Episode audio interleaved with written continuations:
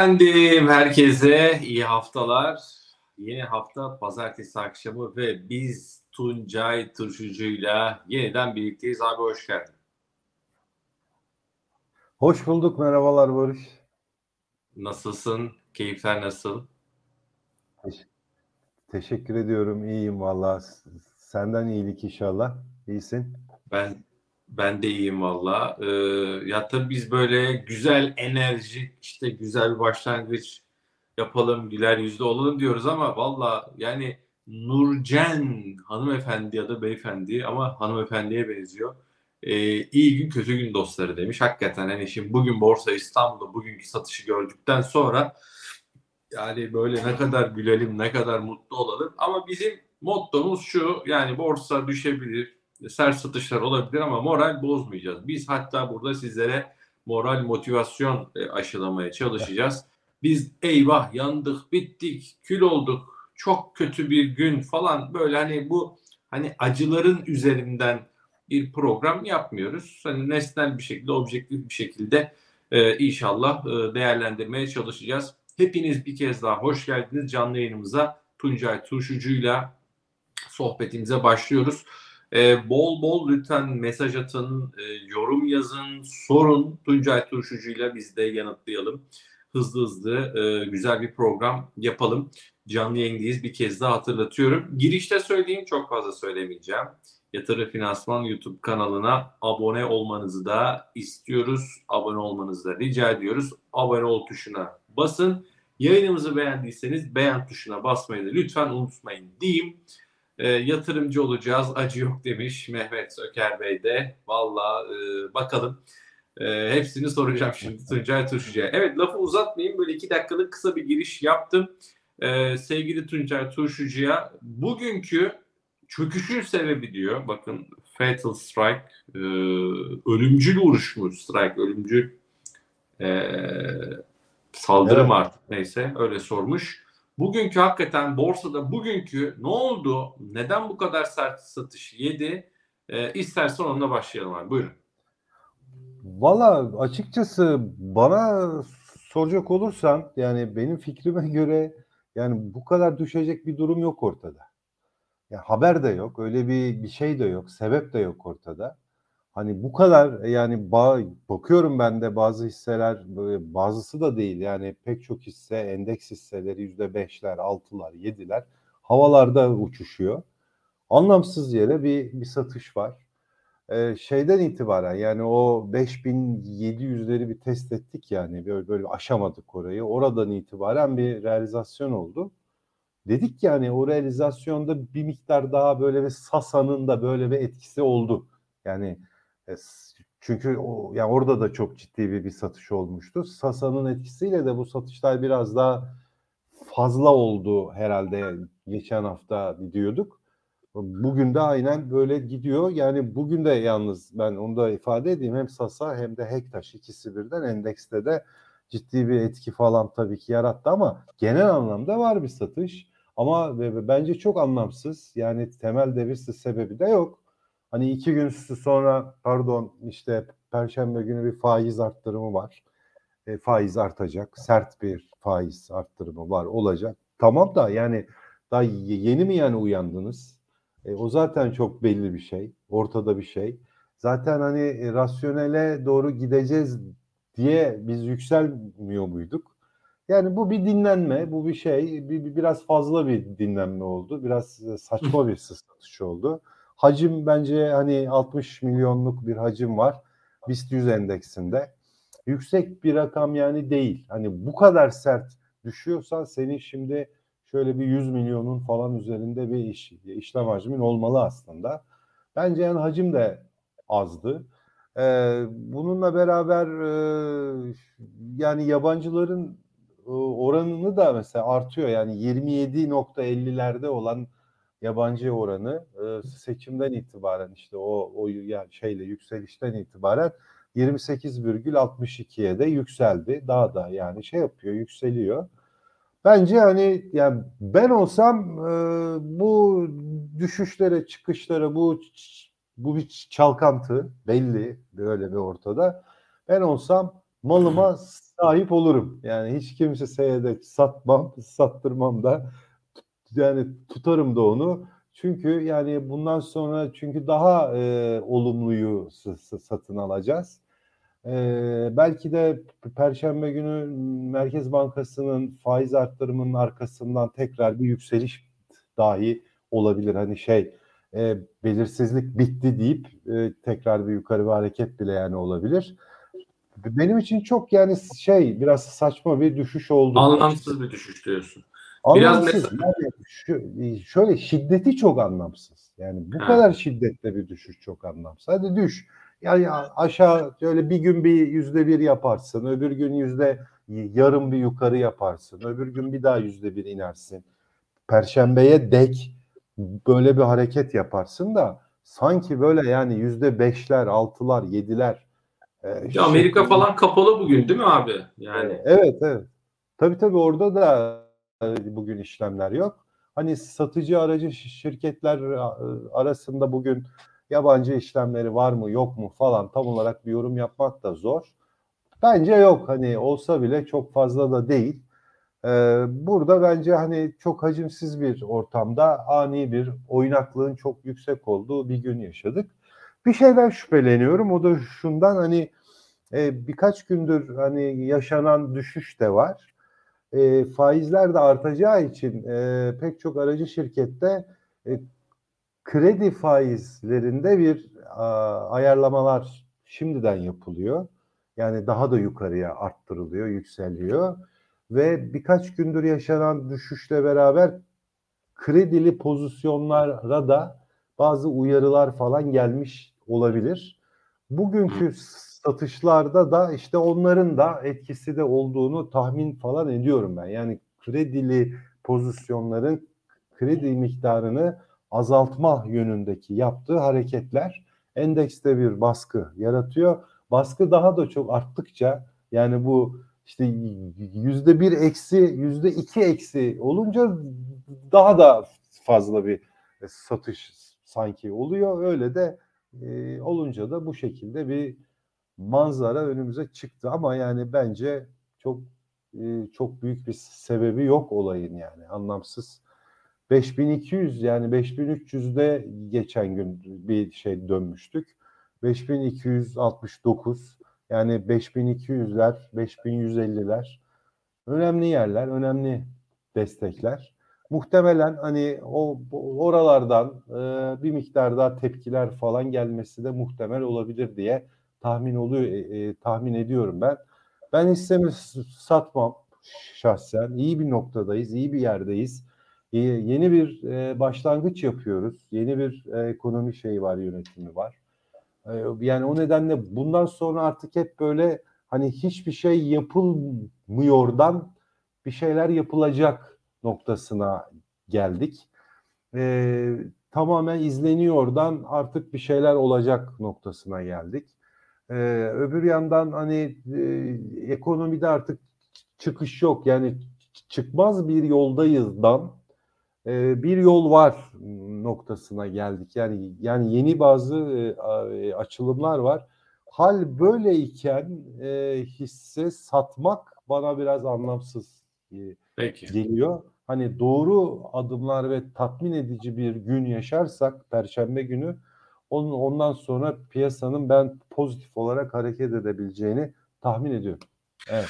Peki girişi yaptık. Ee, 10 dakikalık canlı yayındayız Tuncay Turşucu'yla. E, abone olan izleyicilerimizin mesajlarını ekrana da yansıtıyorum ki biraz mesajlara geçeceğim Tuncay abi izninle. E, çünkü güzel sorular, güzel evet, mesajlar evet. var. Robotlar vardı.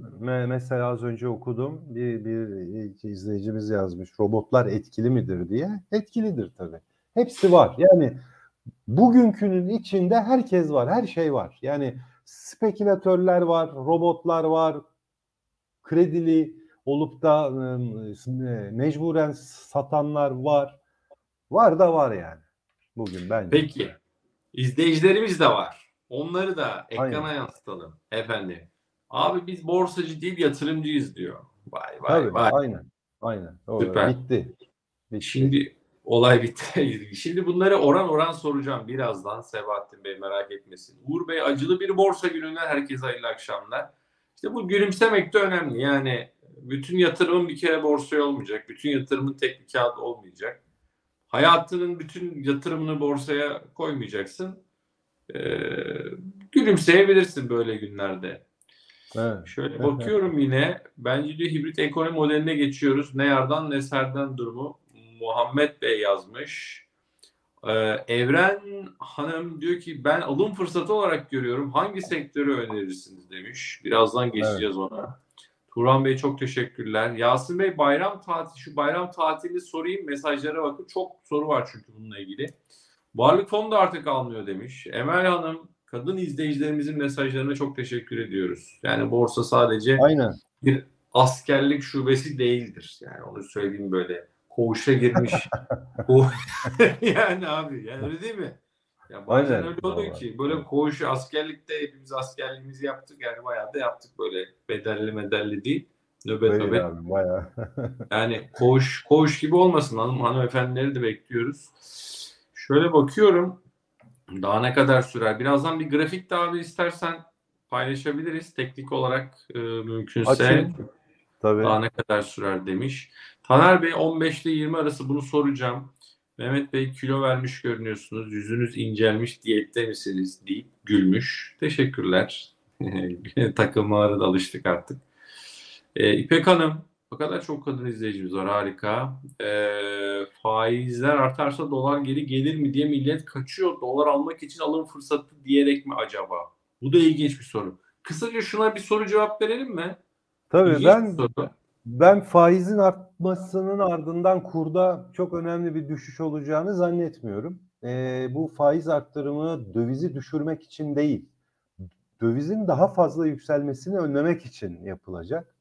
O nedenle hani kurda bir düşüş, çok böyle et- etkili bir düşüş ben açıkçası çok fazla zannetmiyorum. Eğer yani ha ne zaman olabilir bir düşüş? İşte e, yabancılardan yani dışarıdan bir giriş böyle oluşursa çok hızlı bir şekilde başlarsa eğer tabii o şimdi olmaz yani biraz daha zamanı var ama o zaman işte kur, kurda bir dü- düşüş olabilir ve inşallah o da o zamanda da Merkez Bankası dövizin düşmesine müsaade etmez.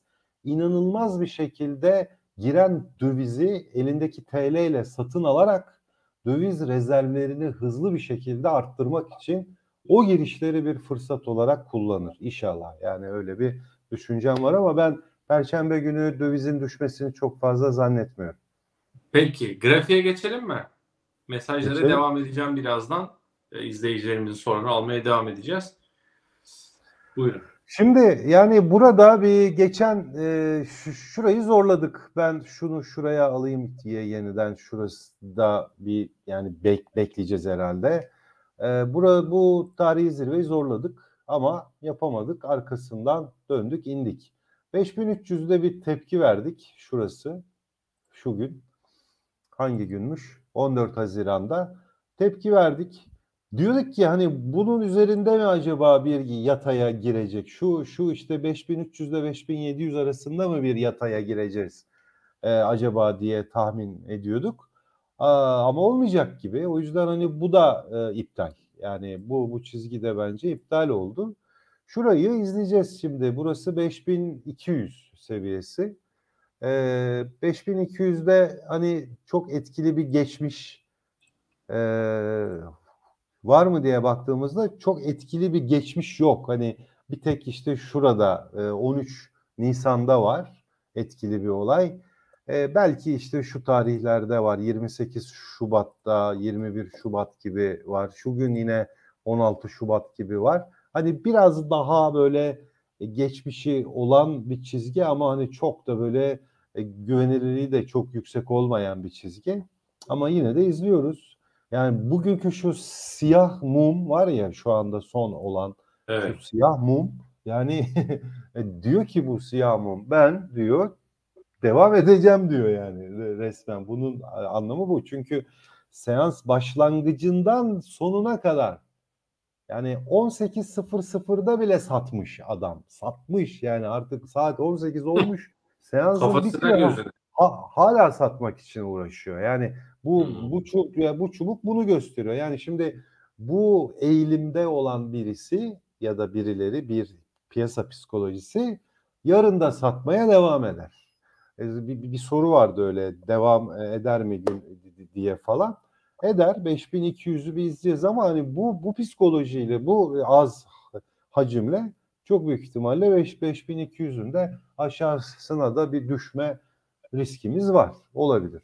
O zaman Boşluklar 57 günlük o- kapanabilir mi diyor Tuncay abi hızlıca soru cevap da ya yapalım. boşluklar hani k- kapanır mı? E, Kapatıyor şu, şu anda da. Ha, biz bu boşlukları biliyorsun hani bir runaway gap olarak şey yapmıştık. Hakikaten de hani boşluk verdik, kapatmadı, devam etti, gitti. E şimdi eğer bu boşluğu kapatacaksa işimiz var yani o zaman biz daha şuraya Aa, hatta bak şuraya kadar ineceğiz yani 4800'lere. Şurada da var mesela boşluk. Yani 4600'e mi biz yani ineceğiz? E çok fazla anlamsız bir durum bu. Yani bu bu bu- kadar yükselişi sen yani niye yaptın o zaman? Vallahi ben sana söyleyeyim eğer böyle 4900'lere, 800'lere, 600'lere falan inerse e, param yok diye ben ben çok üzülürüm ha. Yani param olsa da keşke oralardan e, alabilsem Gerçekten. diye tabii ki çok çok fazla üzülürüm. Yani Ya, bu, Tuncay bir şey diyeceğim. hakikaten Ya, çok fazla anlamsız bir bir satış bu. Borsanın Efendim? düşüşüne sevin borsanın düşüşüne sevinilir mi? Evet sevinilebilir diyorsun mesela. E, tabii yani çünkü uzun vadeli e, çok iyi bir fırsat olarak gö- görüyorum ben o zaman. Görürüm o kadar aşağı doğru inerse. E, neden iyi bir fırsat? İki sebepten ötürü. Hem yani borsada çok iyi ve çok güçlü şirketler var. Onları alabilmek adına hem de e, ekonomide yani borsada yeni bir açılım var yani. Ekonomide bir açılım var. Yapılıyor şu anda. Ha beklenenden iyi gelir, beklenenlere paralel olur, az olur, çok olur ama bir şey yapılıyor. Daha bundan 20 gün öncesinde hiçbir şey yapılmıyordu. Haksız mıyım? 20 gün öncesinde hiçbir şey yoktu.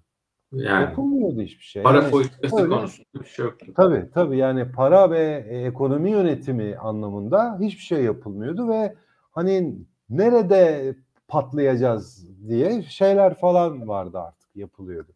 E şu anda ama yeni bir bir şeyler yapılıyor. Yeni bir uğraşı var falan var. Şimdi bu da bir hikaye oluşabilir burada. O yüzden de bu bana göre bir fırsat bu yani.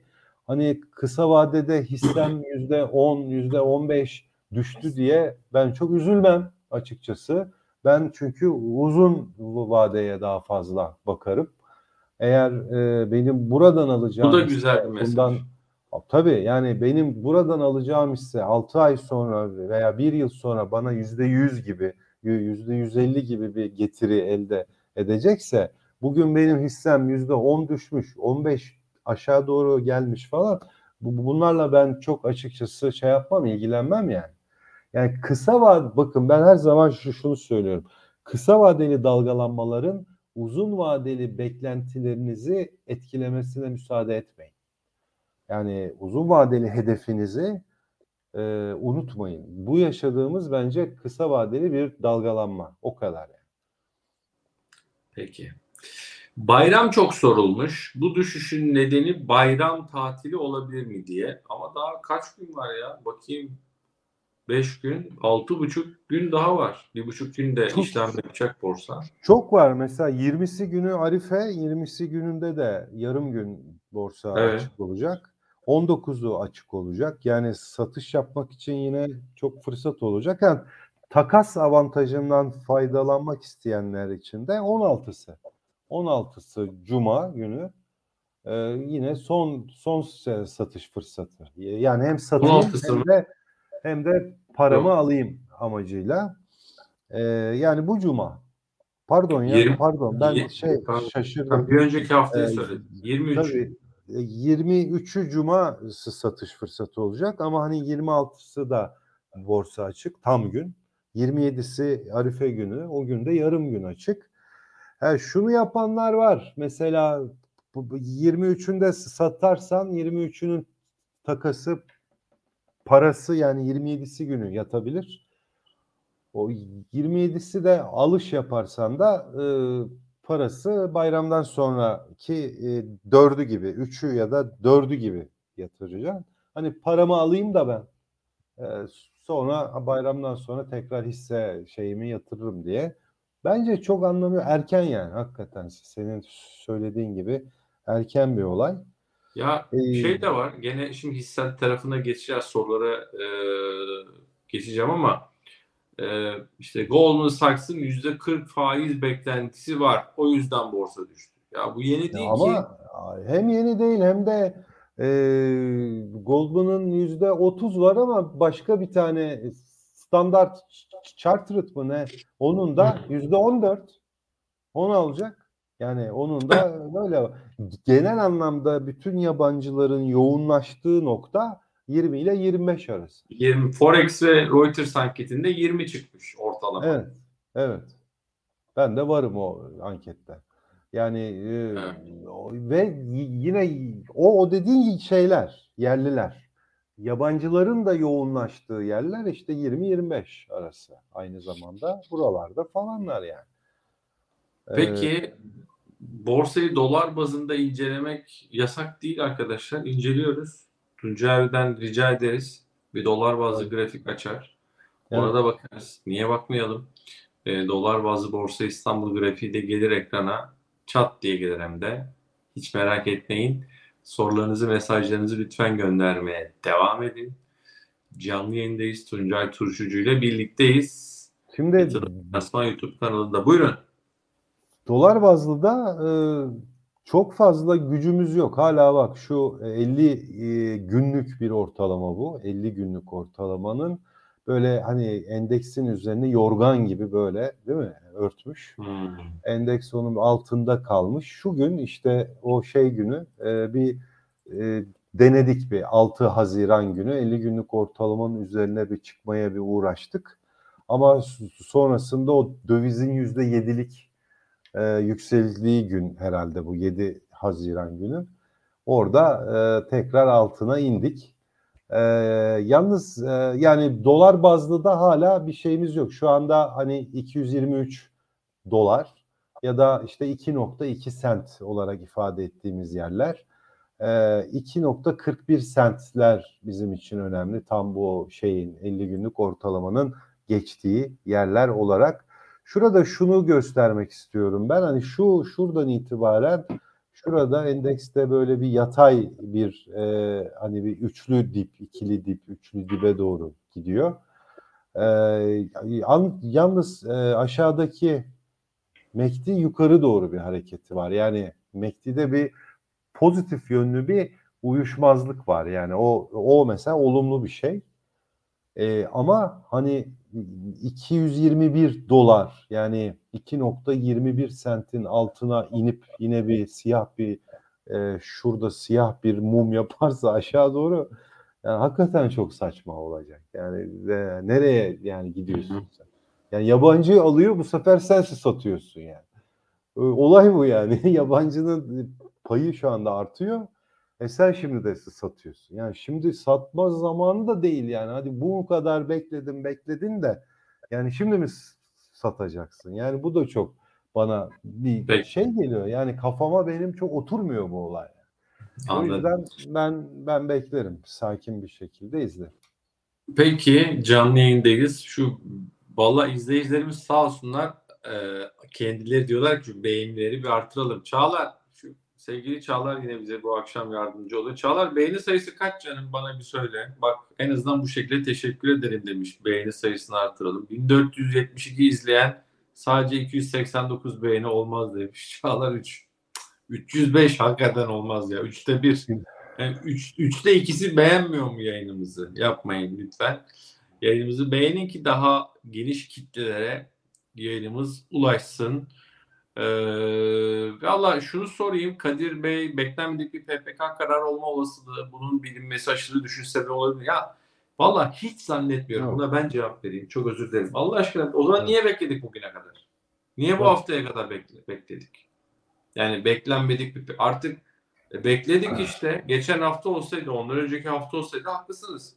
Sayın Gaye Hanım koltuğa oturdu. İlk hafta çat olağanüstü toplantı çat faizi arttırdım 20-25 çektik. Bravo olağanüstü sürpriz.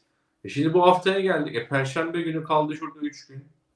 Çıkıp bu saatten sonra olağanüstü PPK mı olur? Hayatta olmaz. Olmaz. Yani Olmaz değil mi? Büyük konuşmayayım ama ya olmaz yani. Niye olsun? Zaten Perşembe günü.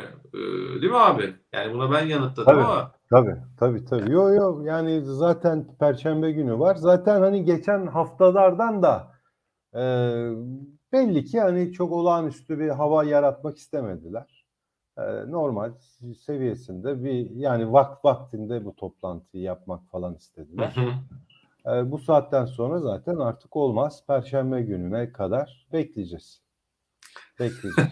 Ama bir de Peki. çok fazla haber kirliliği de var. Bu Barış sen de mesela okumuşsundur. Bir sürü vid- videolar var yani YouTube'da.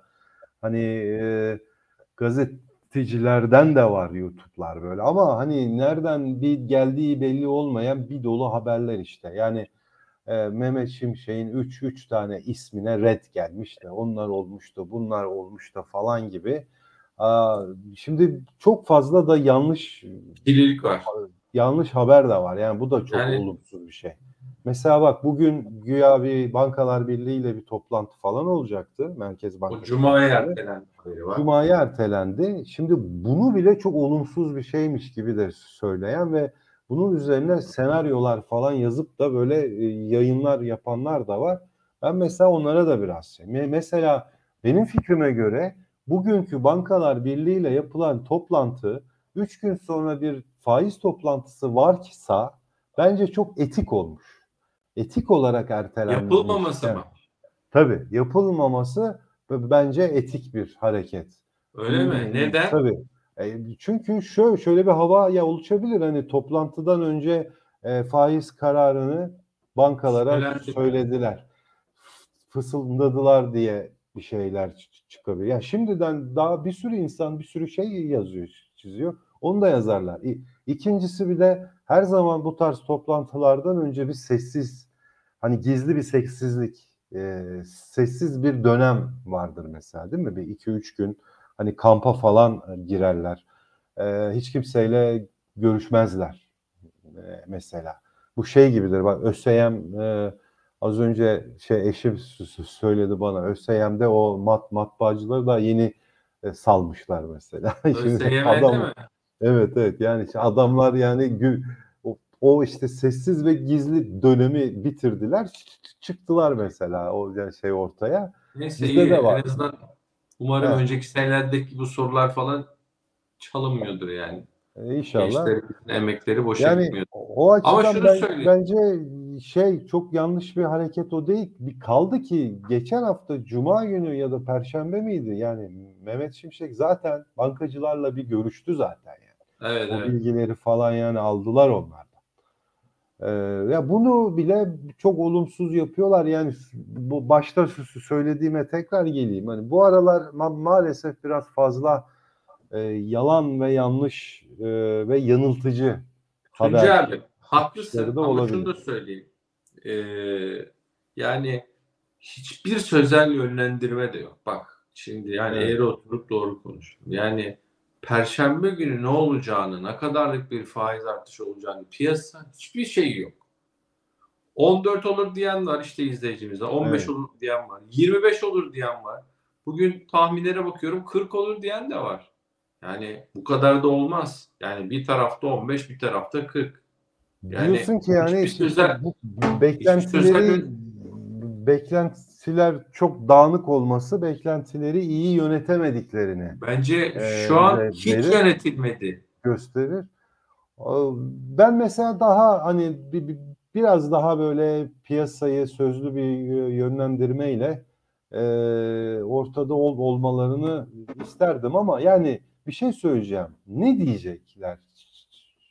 Çıkıp da yani ne diyecek? Yani biz biz yani şu, şu kadar fa- faiz mi arttıracağız diyecekler yani.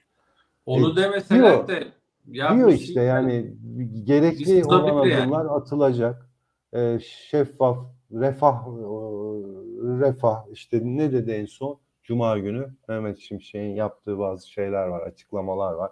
Bankalar Birliği'nden çıktıktan sonra mesela yapılan şeyler var, açıklamalar. Bunların haricinde de diyecek bir şey de yok ki. Yani ne bunun ötesi şey artık yani evet biz işte şu faizi buraya çekeceğiz. Ondan sonra regülasyonları da mesela kaldıracağız. Mesela bak onu söylemesi mümkündü. Yani bankacılıkta son zamanlarda yaşanan akıl e, karıştırıcı adımları daha fazla sadeleşeceğiz gibisinden bir mesaj mesela ve vermesi de mesela değil mi yani mümkündü onu da yapmadılar. Bak bu perşembe günü somut ilk ilk somut adım olması açısından çok çok önemli bir gün. Perşembe günü. Peki. O zaman biz ha, çok kısa şu soruyu yanıtlayalım. Sonra senin e, faiz artışından şirketler nasıl etkilenir başlığımıza geçelim. Çünkü yarım saat devirdik. Ee, yüzde on beş geldi. Faizi yüzde on beşe çekti. Bir senaryo yapalım abi. Yüzde yirmi yirmi beş aralığına çekti. Bir senaryo olsun. Yani beklenten hmm. daha düşük bir faiz artışı geldi. Borsa ne olur? 20-25 aralığına çıkardı. Borsa ne olur? Hızlıca, kısaca ne dersin? Ben karar metnine bakarım. Hani sadece faize değil, o faizin bir de bir karar metni de yani olacak. O karar metninde eğer biz 15'e çıkardık ama e, yani daha da bunu da arttıracağız şeklinde mesajlar e, gelirse yani bo, borsa bundan pozitif etkilenebilir. Yani çok fazla e, olumsuz etkilenmez. Ama bu yüzde 15'te ilk ilk başta dolarda bir hafif bir yukarı bir hareket olabilir yalnız. Hmm. Hafif bir Borsa bir hareket sevinir olabilir. mi? Borsa biraz daha sevinebilir. Ya az geldi falan deyip hani bir miktar şöyle bir borsa şey yapabilir. Çünkü borsa şu anda şeyi fiyatlıyor. Hani ya gelecek hani yüzde otuz falan da gelir mi acaba diye de bir şey var, hmm. korku var. Ama o da çok yersiz çünkü faizler zaten hani bugün bir şirket olsan gitsen bir kredi çekmek istesen, kredi kullanmak istesen yüzde sekiz buçuktan falan zaten alamıyorsun yani yüzde kırklardasın zaten yani.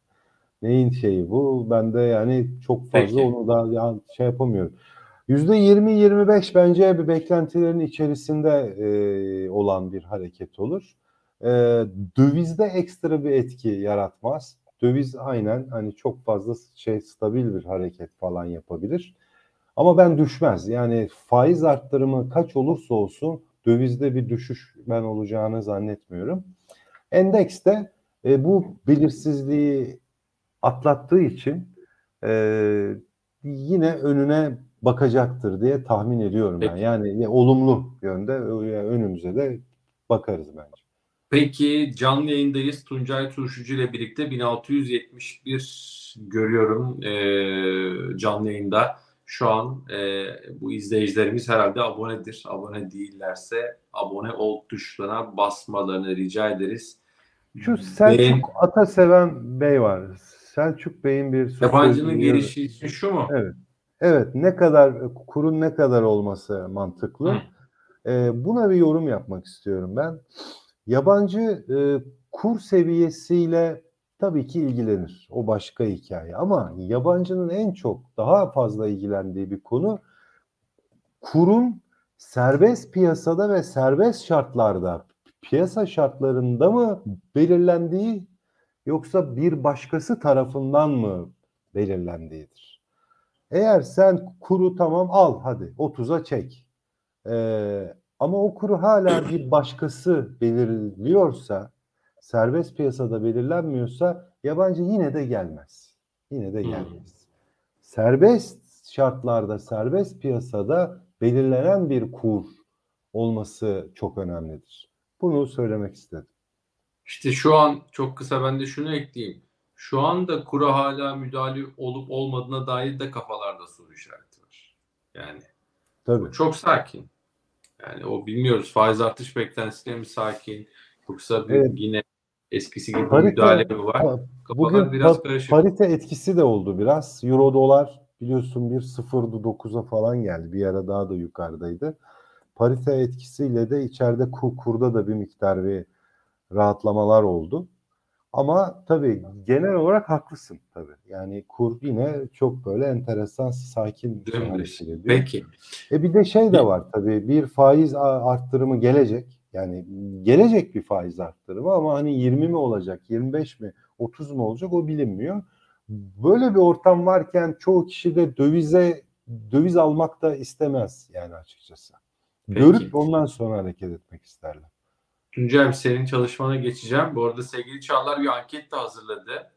Ee, onu da Evet. söyleyelim. Anketi ekrana getirebiliyor muyuz yoksa anket var mı direkt bilmediğim için Çağlar. Ee, ekranlarda görüyorlardır ya da bizi izleyenler. Ankete katılın. Faiz 15 mi olacak? Olur sizin tahmininize göre. Şöyle ben de bir bakayım. Anketiniz görünüyor mu? Ne görünüyor? İki- Evet. iki- Herkes 260 kişi zaten vote yapmış şu anda. 263 kişi. Ben de yapıyorum ama yaptım. Anketi Çağlar'cığım anket sorusunu değiştirebiliyorsan revize edelim. Merkez Bankası faizi kaça çıkarır yapalım. Kaça yükseltir yapalım. Faiz yüzde kaç artırırdan ziyade soruyu öyle yapabiliriz. 15'e çıkarır, 20'ye çıkarır, 25'e ya da 40'a çıkarır. Yani öyle yanıtlasın izleyicilerimiz e, Milli faizi. Ha? Maçı Ben- soran da var ya arada. Milli maçı soran da var. Maç soran da var. Anketin neyse sorusunu değiştiremiyormuş ama anketi nereye çık e, faiz nereye çıkarabilir diye e, sormuş olduk. Tuncay abi şimdi faiz diyelim ki arttı. Artık Cumhurbaşkanı Erdoğan'la kabullendim dedi. Onu Tabii. anladık ki faiz artışını kabullendiğini varsayıyoruz. Borsada şirketlerimiz nasıl etkilenir dinleyelim seni. Tuncay abi evet saçlarını kestirmiş. Biz bu sohbeti yaptık. E, suyu içerken araya bunu da e, Evet. koymuş. Buyurun. Ya şu var şimdi faizler bir kere tabii ki artacak. Yani faiz arttırımı nedir? Çünkü bankaların fonlama maliyeti artıyor. Yani fonlanma maliyeti artıyor. Bankalar TL'yi buluyorlar bir şekilde. Kaç türlü TL bulurlar bankalar yani kaynak? İşte bir TCMB'den e, günlük yani overnight veya haftalık olarak aldıkları bir para var. İki mevduat olarak aldıkları bir miktar var. Üç eğer yapabiliyorlarsa da Eurobond olarak yurt dışından aldıkları bir, bir kaynak var. Şimdi mevduat maliyetleri yükseliyor zaten. Or, orası zaten en az yüzde otuzlarda en az yüzde otuz hatta bazı özel paralara falan yüzde ellilere kadar bile çıkanları e, duyuyoruz ama hani ortalama mevduat maliyetleri e, en az 30 zaten oldu. E, bankadan şu anda 8,5 fonluyorlardı. E, bu da şimdi 20'ye 25'e yük yükselince tabii ki krediler maliyetleri, kredilere verilecek olan maliyetler daha da artacak. Bir miktar daha artacak. Ama şu olmayacak. Hani 8'den 20'ye mesela kaç puan eder? 12 puan mı? 13 puan mı? 12, 13 puan politika faizi arttı diye bankalarda kredi faizini 12, 13 puan yapmayacaklar. Ya yani yüzde 30'u ya da yüzde 40'ı gidip de 52 falan yani yapmayacaklar. O 40 olacak, 40 43 falan olacak. Yani o şekilde biraz daha dengelenecekler. Ama yine de e, finansman masrafları yani borsadaki şirketlerin finansman masrafları, finansman maliyetleri artacak. Şimdi bir şirketin finansman maliyeti ne zaman artar? Finansmana ihtiyaç duyduğunda. Değil mi? Mesela bir şirket düşün. Bu borcunu almıştır. Uzun vadeli bir borçtur. iki seneliktir. Yüzde on beş faizden almıştır. O parası onun vardır. Şimdi bu şirket şu anki faiz artışından etkilenecek mi? Etkilenmeyecek. Onun yani faizi belli zaten. Ama e, sürekli iş, sermaye ihtiyacı olan, işletme sermayesine ihtiyacı olan ve sürekli spot al ver, al ver yapan da pek çok şirket var. İşte bu şirketlerde finansman maliyetleri artacak. Faiz gideri bence artacak. Döviz kuru riskinin çok önemli olacağını ben zannetmiyorum.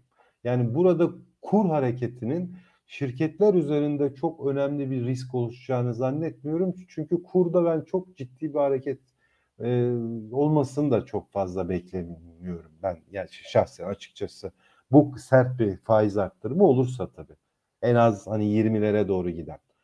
Ama en önemli risk bence TL riski ve kredi riski. O nedenle bu dönemde e, bence hani nakdi olan veya e, mesela cari oranın çok fazla bize mesaj vermediği bir, bir dönem olabilir bu. Bak cari oranı birin üstünde olan şirketler tamam olabilir o ama önemli olan o değil.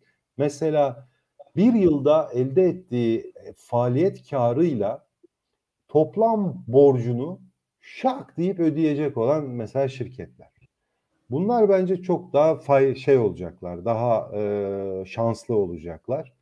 Ondan sonra e, toplam borç bölü toplam varlık oranı daha düşük olan, hani borç kaynak rasyosu böyle düşük olan şirketler. Yani daha fazla borçla değil, daha fazla öz kaynakla iş iş yapan şirketler. Bunlara e, bence bakmak lazım. Hani bu tarz şirketlerde olmak lazım e, diyorum ben açıkçası böyle. Genel olarak bir baktığımda hani büyük şirketlerde BIST, BIST 30'da e, şey bankalar hariç bence çok fazla bir sıkıntı yok. Sorun çok fazla yok yani. Yani bizim şirketlerimiz iyi. Öyle çok ciddi bir yani finansman riski çok yüksek olan şirketler yok. Ama hani her sektörde tabii ki vardır. Ufak mesela hangi şirketler demiş mesela? Ee, yani büyük büyük şirketlerimizde çok fazla bir sıkıntımız yok. Şöyle yapalım. İstersen hani bir sektör se, sektör sektör gidelim istersen. Yani tamam. daha iyi çünkü o şey. Ben mesela ekranımı şey yapalım. Mesela Nereden? Çimentolara bir bakalım istersen ilk ilk başta. Nereden göstereceksin abi? Hangi? Ha, şey? yine yine Stockkeys'ten göstereceğim. ya bu Stockkeys Pro'yu var ya şimdi orada onlar da dostlarımız muhtemelen. Stockkeys Pro yemin ediyorum biz Stockkeys Pro'culardan daha fazla anlatıyoruz. Bence de. Stockkeys Pro evet. biz çünkü neden bu kadar çok bunun üstüne gidiyoruz? Ee, yeni yatırımcılarımıza özellikle yatırım finansmanda yeni olan yatırımcılarımıza yeni hesap açanlara 2 aylık Stockkeys Pro üyeliğini hediye ediyoruz. Yayınımızın açıklama kısmında yer alan linke tıklayarak online hesap açılışı yapabilirsiniz. Gündüz saatlerinde de yüz yüze, YF yüz yüze diye bir uygulamamız var. Hiç böyle imza şu bu falan uğraşmıyorsunuz. Yüz yüze hesap açabiliyorsunuz. Bu kolaylığımız var. 2 aylık Stockies Pro derinlemesine analiz yapmayı sağlayan programda şimdi Tuncay Turşucu bize anlatacak. Evet hocam. Yani böyle bir eleme yapabiliriz ya da kendi şirketinizi bir seçmeniz mümkün. Şimdi ben e, Stockist'te şu sektörel analizde hisse sektör oran analizi var. Oradan açtığımız zaman burada 9 tane oran e, seçtim. Hani 9'u da çok lazım değil ama hani ben acık severim öyle fazla fazladan bilgiyi. O nedenle yapıyorum. E, brüt e, yani brüt kar marjı bir kere hani kar marjımızı da yüksek olsun isterim. FAVÖK marjı iyi olsun isterim. Öz sermaye karlılığı var. FK rasyosu var. Piyasa değerini hani büyük şirket mi küçük şirket mi onun yüzden aldım. Şimdi şurası bence çok önemli. Borç kaynak oranı var ve bir de FAVÖK bölü net finansman gideri var. Yani net finansman giderinin anlamı finansman gelirleri eksi finansman giderleri. 2022 yılı 12 ayı yani 2022 sonu itibariyle yaptım bunu. Öyle bir bakıyorum. Yani kimin borcu yüksek, kim çok fazla borçla iş yapıyor, kimin elde ettiği FAVÖK karı e, bütün bir yılki finansman giderinin üzerinde, altında falan şeklinde yaptım.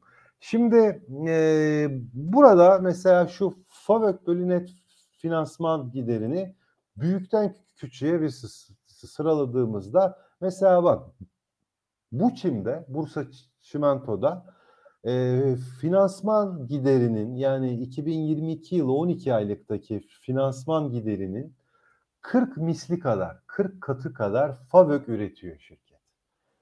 Yani istese hani 40 40'ta biriyle bile öder borcunu.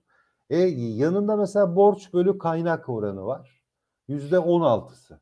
Şu hiçbir şey değil. Yani bu şirket tamamen e, yüzde 16'sı borçtan oluşuyor. Yüzde kaç eder? 84'ü de öz kaynakları oluşuyor mesela. Yani tamamen öz kaynak İyi mi? e, yoğun Yani. bir şirket. İyi bir şirket olarak önümüze çıkıyor. Şey anlamında iyi. Bilançodaki e, TL riski, borç riski anlamında iyi. Yani ucuzluk ya da pahalılık yorumu yapmıyorum. Bak yanlış anlaşılmasın buradan. Yani biz böyle bu, bu, bu çim çok çok ucuzdur, kopacak, gidecek diye bir yorum Ne var ne yok bu çim Hani e e, ne var ne yok bu diyoruz. çim alın demiyorsun yani. Hayır tabii ki yani artan Ama- faizler, yükselen faiz ortamlarında Bursa Çimento çok fazla problem yaşamaz. Analiz yapıyoruz. Çimento çok fazla yaşamaz. Yalnız şu sektöre şöyle bir baktığım zaman hemen hemen hepsinde hemen hemen hepsi çok iyi. Yani mesela Nuh Çimento, Oyak Çimento mesela. Yani 25 kat e, borç kaynak oranı yüzde 35 hani yüzde 50'nin falan altında. Öz kaynak yoğun bir sektör burası aslında. Yani mesela bizi izleyenler arasında gençler vardır hep hani o 2000 yılındaki e, çimentoların halini pek fazla bilmezler. Yani mesela d- d- d- 98 yılındakileri falan bi- bizler yapıyorduk analizleri o zamanlar. E, o zamana göre bayağı ciddi bir şey var. E, ilerlemeler var. Yani bayağı güzel bu borçlar ödenmiş falan. Boğaziçi beton yine çok iyi bir şey yapmış. Yani şu 20 kat mesela net finansman giderinin 20 katı. Afyon böyle böyle iniyoruz aşağılara. Şimdi e, şuradan itibaren bak en kötü olanlar yani bak Göltaş 2.06 kat yani bir yılda yaptığı net finansman giderinin iki katı kadar FAVÖK elde edilmiş mesela. İyi bir şey. Yani finansman gideri yüzde yüz artsa bile yüzde yüz artsa bile şirketi çok fazla bozucu bir etkisi olmayabilir. Ama aşağıda mesela bak Batı Çim, Batı Söke çok çok yani o konularda biraz şeyler sorunlular mesela bu sektörde.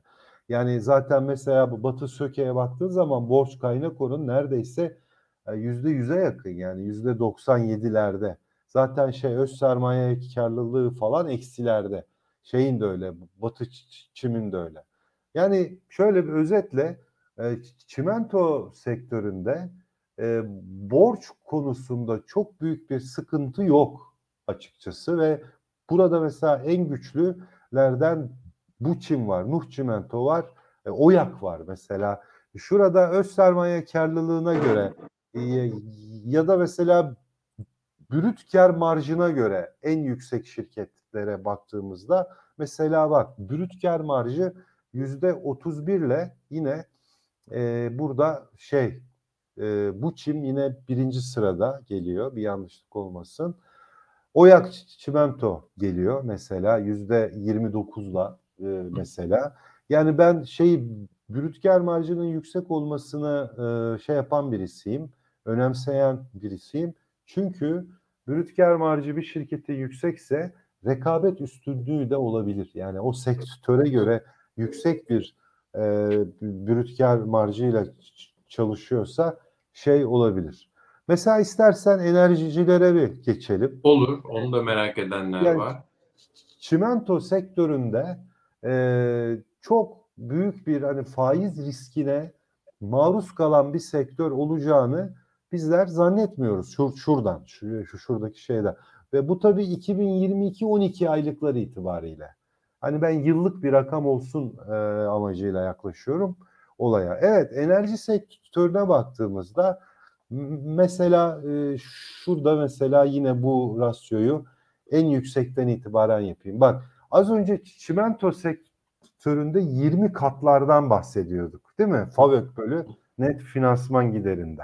Yani sektör yıllık finansman giderinin 20 katı kadar faaliyet karı yazıyordu. Şimdi o gitti burada bak. E, enerji sektöründe 7 katlara falan geldik. En iyi şirket ODAŞ 7,68 net finansman giderinin 7,6 kadar katı kadar bir nakit var üretiyor. Borç mesela borç kaynak oranı da güzel yüzde 50'nin altında Bu da gayet iyi. ODAŞ 2-3 sene önce Barış inanılmaz borçlu bir şirkette. Anormal bir borcu vardı ve Migros o borçlar gibi, Teknosa gibi. Tabii tabii onun onun gibiydi ve e, şu anda çok bayağı ciddi bir düzeltme yaptı mesela. CV Enerji var. CV Enerji'de e, veri biraz eksik gibi burada ama yine de onda da iyi bir rakam var. Mesela Smart, Galata Wind e, hemen hemen hepsinde iyi. Galata Wind'in bir özelliği daha brüt kar marjı yüzde 82. Belki de sektördeki en yüksek Çok mu yüksek? el- Çok yüksek yani 100 TL sattığı malın 82'sini cebine kar ka- koyuyor. Niye? Çünkü yenilenebilir enerji, rüzgar. Yani maliyeti yok. Maliyeti yok. O yüzden çok yüksek bir rakam ve bu tabii ona bir avantaj elde ediyor. Ve Tuncay 5.82 %23'lük bir borç kaynak oranı var. Efendim bir, bir kez daha vurguluyorum. Çünkü dediğim gibi yanlış anlaşılmalara eee Tabii. Bu yaptığı mesela Galata Wind'le ilgili az önce işte dedik süper 180. Mesela biz fiyat konuşmadık. Pahalılık, ucuzluk konuşmadık. Lütfen hani o rezervlerle dinlesin izleyicilerimiz naçizane. Hani bilmiyorum Galata Wind Tabii. fiyatlarında yani Biz- ucuz mu pahalı mı tabii. bilmeden söylüyorum ama hani bütün konuştuğumuz senetler için lütfen ya biz sadece bu özelliklerle değerlendiriyoruz. Onun altını bir kez daha çizme ihtiyacı hissettim. Buyurun. Gelecek aylarda Türkiye'de faizler daha da yükselebilir.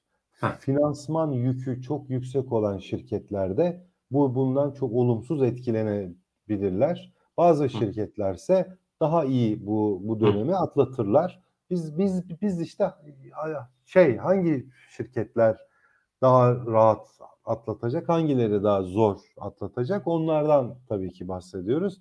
Hisse senedinin ucuzluğu ya da pahalılığı hakkında bir yorum yapmıyoruz. Tamamen haklısın. Mesela bak birin altında olanlar şu FAVÖK bölü net finansman gider kısmında birin altında olanlar bir Aksu Enerji. Zaten yüzde 88'lik bir borç kaynak oranı var. İki Zorlu Enerji. Ee, Yüzde 74'lük bir şey var. Borç kaynak oranı var. 0,86'sı. Yani e, bu- bunlar biraz ahlatçı gaz mesela 0,67. Ee, ama borç e, kaynak oranı yani 42, 50'nin altında. Bu bu biraz küçük, ufak ama şurası hani e, biraz daha düşük ve Ak Enerji mesela. Ak Enerji'de de yine oldukça düşük bir FAVÖK bölü net finansman gideri oranı var açıkçası. Bu şirketler hatta yani bence hani faizlerin iki kata kadar çıkması gibi bir şeyi dikkate alırsan hani iki ve üstünü bile almak hani ne kadar yüksekse daha iyi olur. Onu, onu aldığın zaman işte mesela Akfen yenilenebilir enerji. Gerçi halka arzdan sonra e, gelen şeyle nakitle belki bunu hallettiler. Pamel Enerji mesela Pamel Elektrik, e, Zedur bunlar da sınırda olan şi- şirketler olarak Evet. söylemek mümkün açıkçası. Ama yani genel olarak enerji sektöründe e, gayet hani güçlü e, oranlar var. En güçlüsü ve en rahatı gibi gözüken ODAŞ mesela şu anda duruyor yani. E, başka bir sektör var mı? Valla senin ön, öne, istersen. Efendim, senin önüne çıkaracağın varsa hani bakalım dediklerine bakalım. Demir Çelik Dem- mesela. Demir çeliği de çok soranlar var. Mesela Tamam. e, demir çelikte e, şöyle baktığımız zaman e, bu rasyoların çoğu yüksek. Mesela bak sektörde birin altında olan birin altında olan şirket yok. Bir tek şey var işte Tuğ Çelik var 1,05. Ney bu? FAVÖK bölü net finansman gideri. Tekrar edelim de onu şey olmasın. Hı hı. Ee, sonra mesela şey geliyor yani İzmir Demir Çelik geliyor. 2'nin altında ya 1.68 mesela İzmir Demir Çelik'in e, borç e, kaynak oranı da %78 örneğin. E, yani o da yüksek. Sonrasında yükselen çelik geliyor. E, 2,71. Onun da mesela borç kaynak oranı 67. %50'nin bir miktar üzerinde. E, fakat hani sektör olarak hazırlar. Yani sektörde öyle çok ciddi bir risk yok mesela. En güçlüsü şu anda bak Ereğli. 17 kat. Yani finansman giderlerinin 17 katı kadar faaliyet karı yapıyor. İstemir 10.4 kat ve dikkat edersen her ikisinin de borç kaynak oranı %30. 32. 50'nin bile bayağı altında yani. Hardemirler var 8 kat. Hani onların borç kaynak oranı %57. Çok fazla hani yüksek değil 57. Ama zaten 8 katta rakam ediyor. Bu sektörde Ereğli, İstemir ve Kardemirler faiz artışından çok öyle olumsuz etkilenmeyecek şirketler Peki. olarak Petrokimya'ya bakalım mı? Tüpraş çok soruluyor çünkü. Bu arada gol atmışız. Galler Hadi karşısında A, A milli takımımız 1-0 önde. Ya arkadaşlar Galler'i yeneriz ya. Artık Galler de kim diyeceğim yani. Ee, onu söyleyeyim. Bir Galler'de- ikincisi Galler'de Ee, şey oynamıyor mu ya şu Bailey miydi? Neydi bir adam vardı. Real Ma- Madrid'de oynuyordu. yok ya. Bu arada e, Kahramanmaraş'ta da 4.7 büyüklüğünde deprem olmuş. E, Bir kez daha Yapma geçmiş ya. Umarım e, herhangi bir sorun yoktur. E, Kahramanmaraş'ı deprem bölgesinde. Biz de geçen hafta Elazığ'daydık. E, depremden etkilenen illerimizden bir tanesi. E, bizim mobil eğitim simülatörü tırımız e, bir buçuk aylık gezisini tamamladı. Deprem bölgesindeki çocukları 5000'den fazla çocuğa dokunduk e, mobil eğitim simülatörü tırımızla. TOSFET'le birlikte projeyi gerçekleştirdik. E, o da son durağı Elazığ'dı. Biz de orayı ziyaret ettik. E, Gareth Bale'mış bu arada oyuncunun ismi ama biz Ha, Galler'i Bale. Bale tamam evet. Galler. Oynuyor herhalde. Bizde de Arda var. Valla. Üstad, e, petrokimya demiştik. Buyurun. Valla petrokimya burada bak açık önümde. Mesela Hı. net fi- fi- finansman giderinin 9 misli üzerinde kar yazan tek şirket var. Tüpraş o da zaten sektörde. Borç kaynak oranı işte yüzde 60. Ee, yü- yüksek sektörde zaten hani iki şirket var borç kaynak oranı çok düşük olan. Birisi İpek. Ee, İpek'i de almışlar burada. Öbürüsü de Turkas Petrol. O geliyor. Fakat Tur Turkas'ta FAVÖK e, sanıyorum eksi. Hani o, o yüzden hani çok fazla almıyoruz onu. Ama sektörde en güçlü, en rahat gözüken şi- şirket e, şu anda Tüpraş gibi duruyor mesela. Onu da ifade etmek isterim. Herhalde bir Hocam, yanıt olmuştur. E, Hava ulaştırmaya ya da ulaştırma sektörüne bakabilir miyiz? Özel bir istek geldi. Ulaştırmayı açalım. Evet. E, ulaştırmada mesela Çelebi Hava Yolları 22 kat faaliyet karı üretiyor. Net finansman giderinin borç kaynak oranı yüzde 60'larda hani hani yüzde 60'lar falan normal. Artık yüzde 80 ve üstü mesela. Yani 70 ve üstü mesela. Ben çok istemem açıkçası. Bana kalsa hani borç kaynak oranı 50'nin altında hatta olsun öz, öz kaynak yoğun bir şirket olsun falan. Ben öyle şeyleri seviyorum. Mesela bakın hava yolları 16.5 kat. Yani çok güzel. Yani çok rahat. Hat- Hatta bu sektörde öyle çok e, sıkıntılı şirketler yok. Bazı şirketlerde hani ve- veri de yok. Mesela beyaz var. %78 borç kaynak oranı var. Onun şurada rakamı yazmıyor. Ee, ama mesela Pegasus iki kat mesela yüzde 72 bak onun mesela borç kaynak oranı. O, o mesela hani Türk Türk Hava Yolları'na göre Pegasus daha e, faize duyarlı bir şirket olabilir açıkçası. Onu ifade edelim. Ama Türk Türk Hava Yolları rahat mesela. Eli rahat orada. Ç- Ç- Çelebi'nin eli çok rahat. Ee, Turex gibi, Gürsel gibi şi- şi- şirketlerde onlar da gayet güçlü bir havaları var. Otomotiv çok soruluyor. Tabii. Tuncay abi otomotiv üst üste Evet. geldi. Ee, ya otomotiv zaten bu sene iki tane sektör var. Hani büyüyen yani böyle bir büyüme sinyali net olarak veren birisi otomotiv, birisi de havacılık. Otomotivde şöyle bir baktığımız zaman mesela bak yani 25 katla Tofaş fabrika geliyor. Yani e, çok çok iyi bir kar. Traktör ikinci 19 katla geliyor. Ee, Tumosan mesela Tumosan.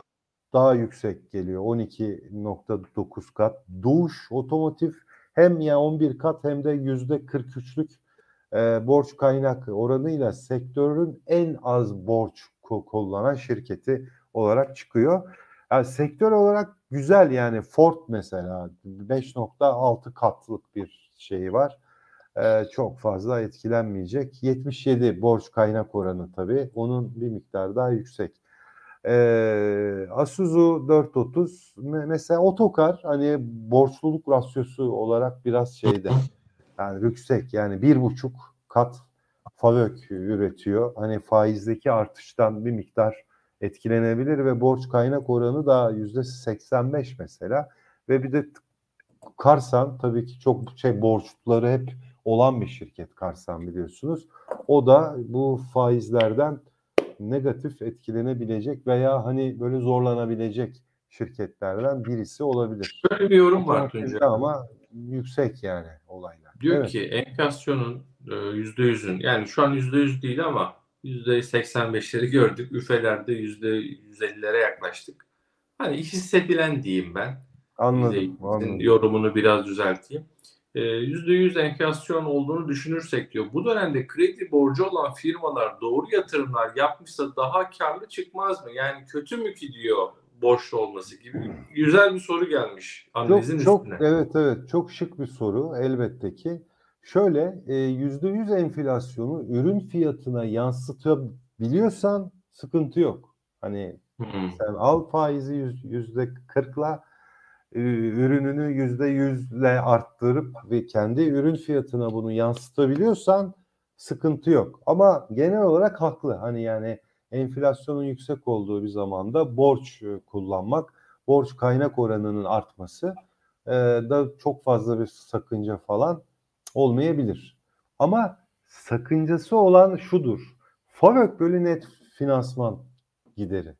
İşte biz zaten o rasyo üzerinden yorumlar yapıyoruz aslında. Hani o yatırımcımız belki borç kaynak oranına daha fazla biz sanki eğiliyormuşuz gibi hissetti herhalde. evet tamam ona da bakarım ama asıl sen bir yılda ödemekle yükümlü olduğun finansman gideri kadar faaliyet karı yaratıyor musun yaratmıyor musun? Tamam önemli olan o. Yani kredi kartı maaşını aldın e, kirayı verdin, o elektrik, suyu, doğalgazı, çocuğun okulu, onu, bunu, e, mutfak harcamanı yaptın. En son sıra kredi kartı borcunu ödemeye geldi. Elinde, cebinde hala kredi kartı borcundan ne kadar fazla para kalıyorsa senin e, borç riskin o kadar azdır arkadaş. Yani Hı. belki de böyle anlatınca daha Peki. iyi anlayabilirler. Onu ölçmek için yapıyorum genel olarak hani şirketlerimiz öyle çok e, riskli konumda olan şirketlerimiz yok yani anlatmak istediğim de o benim açıkçası. Peki e, Tuncay abi e, istersen yavaş yavaş sonlandıralım. Anketimizin sonucu Çağlar ne oldu? Bunu e, ekranı da bilmiyorum ekrana yansıtabiliyor muyuz? E, ne çıktı? Ona bir bakalım dilersen. Ee, yani Türk Hava Yolları'nı konuştu arkadaşlar. Ee, TAV da listede biraz daha aşağıdaydı onu gördük. Tuncay Turşucu. Ee, Antalya'ya çok selam. Ozan Bey çok yazdınız. Hadi ekrana da getireyim. Lütfen Tuncay Bey Antalya'ya gelse diyerek armağan edecektik. Gerek aldık bekliyoruz demiş. Ee, gıdalar, ya gıda perakende yapalım mı Tuncay abi son? Ee, Tamam. Evet, anketimizde yüzde yirmi faiz yüzde yirmiye çıkar diyenlerin oranı yüzde kırk üç. 15 yapar diyenlerin oranı yüzde 33, 25 diyen 18, 40 yapar diyen 104. Ağırlıklı olarak yüzde 20 beklentisi var Tuncay abi. Zaten piyasa evet. katılımcıları anketi gibi olmuş. Forex anketine dönmüş. Reuters anketine dönmüş. Bin. Bin, bin oy mu? Bin oy kullanıldı. Evet, evet. Az, gayet iyi. Az değil yani. Az değil. Evet, evet. İyi bir şey. Ee, evet. Son gıdada e, gıdada mesela en iyi yani faiz giderinin en üzerinde faaliyet karı yaratan şirket 12.3 ile Tukaş e, geliyor. O, onun hem borç kaynak oranı da daha biraz aşağıda. Fade geliyor 9.9 10 kata yakın e, ve borçluluk e, rasyosu da mesela az e, düşük. Kenti geçiyorum. E, Frigo mesela geliyor. Çok enteresan. Bak hep bu içecekler e, geliyor ve borçluluğu da fena değil. Söke un var o da iyi. Yani gıda sektöründe öyle şöyle bir baktığım zaman hani e, bir ikinin altında olanlar hani mesela yayla gıda 1.82 kat penguen gıda e, selva e, Exxon gıda yeni halka arz edilen şirketlerden birisi. Mesela bak Exxon'un borç kaynak oranında yüzde 81'lerde. E, ama bu tabii 12 aylığa göre. Yani belki de halka arzdan gelen rakamla borcunu da ödemiş olabilirler. E, tabii bakmak lazım. Mesela kim var? Hani Dardanel var. E, biraz daha Favök hani biraz daha üretmesinde yarar olabilir ama borçluluk oranı çok fazla yüksek değil Allah'tan. E, Banvitama biraz e, şey hani düşük e, bir olay. Ülker mesela bak o çıkıyor. Ül, Ülker hani net finansman giderinden daha düşük yüzde 68'i kadar FAVÖK yaratabilmiş mesela. Negatif yönde etkilenmiş yani yüzde 80 borçluluk oranı var. İşte bu, bu borçlu bir şirketse eğer bu faizlerden negatif etkilenebilirler. Onun dışında e, hani Ekiz, Van Gıda, e, Selçuk gibi şirketlerde de e, FAVÖK yok zaten. Hani çok eksilerde gidiyorlar. Hı hı. Bu, bu şirketlerde biraz hani tercih etmemekte yarar var. Yani gelecek dönemde Türkiye'de bir faiz artacaksa bu şirketleri çok fazla tercih etmeyip daha böyle güçlü bir de perakende bulunmakta fayda var. Ee, gıda ve içecek, gıda ve içecek ha, yapayım sonra tamam. bir perakende bakayım. Tamam. Orada da mesela kristal kola diyor çok abartı bir rakam. Bunu e, atlıyorum. Tukaş'ı e, az önce de söyledik. Burada hem gıda ve içecek var tabi. Mesela Kola. şey kolayı soranlar olabilir. Kolada da gayet ideal hani 7.7 katı kadar bir şey var. Anadolu Efes 5.8 kat borçluluk çok yüksek değil. E, Tuborg'un zaten halka açıklığı çok az. Onun dışında da e, çok hani yorum yapacak bir hisse yok galiba. Burada, burada var mı? Sıfırın altında, birin altında yok. Ee, ben bunları incelediğimde e, barış şey sonucuna vardım. Yani şirketlerimiz aslında e, hazırlar yani. Buna faiz artışı. Hazırlanmışlar. Burada tabii. hazır olmayan daha doğrusu hazırlanması gereken e, bankalar. Adı bankalar niye? E, düşük faizi tahvil almak zorunda kaldıkları için evet. o tahvillerle ilgili olası e, zararlar tahville ilgili zararlar söz konusu olabilir endişesi var. O konuda da işte Sayın Mehmet Şimşek e, bankacılarla görüştü. İşte Merkez Bankası Başkanımızın bir görüşmesi bekleniyor bu hafta. Yani o bankalarla ilgili faiz artışında bu konu gündemde ama şirketlerle ilgili sen hakikaten çok güzel bir tablo hazırlamışsın. Son olarak da galiba perakendeye bakacağız. Değil mi hocam? Evet burada herhalde hani daha büyük şirketlerde bir, bir, bir maşı merak ediyorlar. 10 11 kat mesela Favöke üretiyor. Hani yüzde altmışlık bir borçluluk oranı var ama hani 11 katta FAVÖK yani şey yapıyor, üretiyor. Hani faiz giderleri iki kat artsa 11 kat olacak, 6 kat yani olacak falan yani düşecek. O kadar yani çok büyük bir şey yaratmayacak. Migros yine 7 kata yakın üretiyor. Migros'un e, borçluluk oranı yüzde 88. Bu oran daha da yüksekti eskiden. Ve şu rakam da şu 7 kat olan FAVÖK rakamı da daha da azdı mesela. Giderek yükseliyor. Bu sektör içinde de öyle hani e, şurada veriler yok, paylaşılmamış ama hani birin altında da çok fazla evet. şirket yok açıkçası. Bu sektörde de bir rahatlık var. Uzer var mesela 186 kat gibi bir şey var. Ee, bu, bu da tabii çok şey ama çok hani bir bir Hani 1.7 milyar liralık şirket. Hani çok fazla güç büyük bir şirket değil bunlar. O yüzden onlara girmedim. Evet. Evet Tuncay abi çok teşekkürler.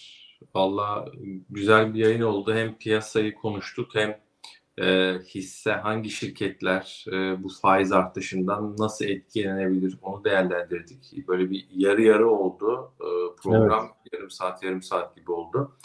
İzleyicilerimize çok teşekkür ediyoruz. E, eğer hakikaten yayınımızı beğendiyseniz lütfen beğen tuşuna basın. Şu an kaç bilmiyorum bine yaklaştık yazmış Yusuf Bey her zaman bizim destekçimiz sağ olsun. E, Haydin demiş bin kişiye az kaldı. Kaç bilmiyorum. E, 50 kalmış. Eğer beğendiyseniz beğen tuşuna basın. Yayınımız üst sıralara çıksın. İkincisi eğer abone olmadan izliyorsanız, bu yayını daha sonra izliyorsanız da e, abone olmayı ihmal etmeyin.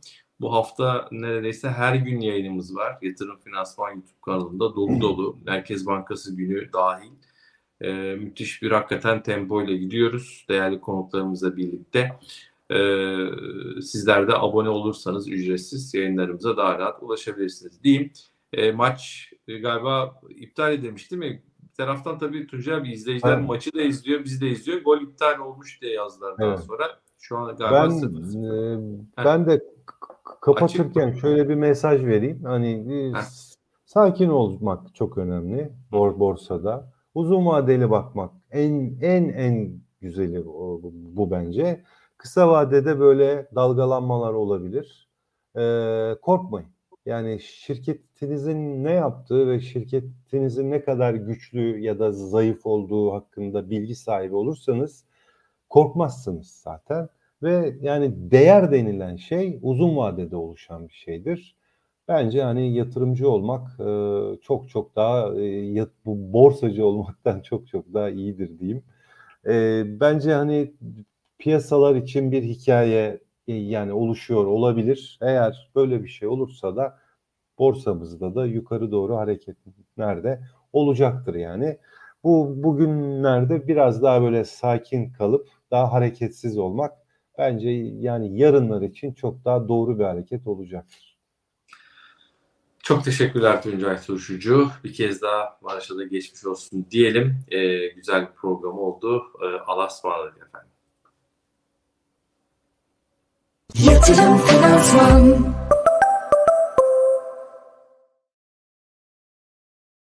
Yatırım